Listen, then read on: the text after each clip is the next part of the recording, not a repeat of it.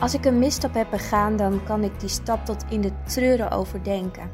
Op verschillende manieren probeer ik de situatie te analyseren en te bekijken of ik vrij uit kan gaan of toch met de billen bloot moet om vergeving te vragen aan de mensen die ik tekort heb gedaan.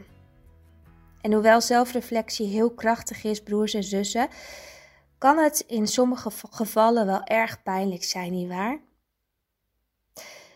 Misschien herken jij patronen in je opvoeding waardoor je gemakkelijk in zelfveroordeling schiet. Schaamte, schuld en zelfverachting zijn dingen die in bijna iedere opvoeding voorkomen. Je hebt vast wel eens gehoord of zelf naar je kind uitgeroepen: je moest je schamen. Misschien heb je te horen gekregen: wat heb je ons teleurgesteld? En misschien werd dat nog kracht bijgezet door je te slaan. Dergelijke dingen kunnen je gevoel van eigenwaarde hebben aangetast. Je bent bang om fouten te maken. Van veroordeling word je bang en krijg je de neiging om jezelf te verstoppen of juist te vluchten. Je hebt de neiging om je misstap te verbloemen of weg te moffelen.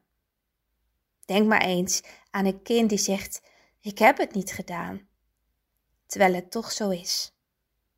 Hoe logisch is het? Want broers en zussen, angst is, in de eerste, is de eerste emotie die in de Bijbel genoemd wordt als gevolg van de zonde. Denk maar eens aan Adam en Eva.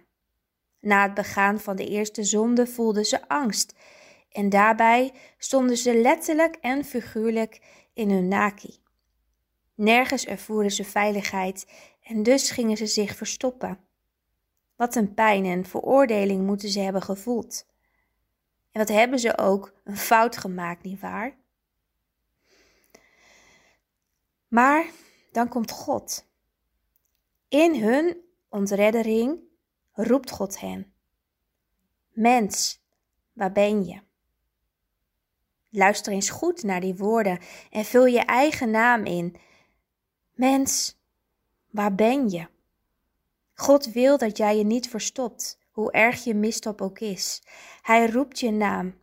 En wij mogen vandaag nog veel beter weten hoe groot Gods liefde is voor ons. Hij heeft zijn zoon immers gestuurd om te sterven aan het kruis, waaraan al onze imperfecties vastgespijkerd zitten en zaten. En de prijs daarover is betaald. God zoekt het hart van de mens en wij mogen en moeten met onze schaamte en schuld het hart van God zoeken.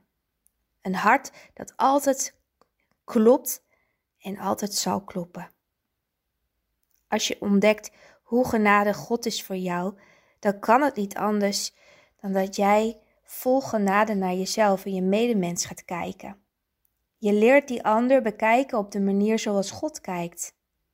Van daaruit ontvang je rust en levensadem. Na je fout mag je naar God gaan, vergeving vragen, schuld beleiden naar de ander en weer opstaan en verder gaan als een geliefd kind. Wanneer je op een goede manier leert omgaan met zelfveroordeling, dan word je in staat gesteld om jezelf op een liefdevolle en respectvolle manier terecht te wijzen. Je wordt in staat gesteld om je misstappen toe te geven, zonder dat je ten onder gaat aan schuldgevoelens en verwijten. Je mag jezelf leren begrijpen en ontdekken waarom je die misstap hebt begaan. En van daaruit mag je steeds weer een nieuwe stap zetten. Broers, zussen, God haat de zonde, maar hij heeft de zondaar intens lief.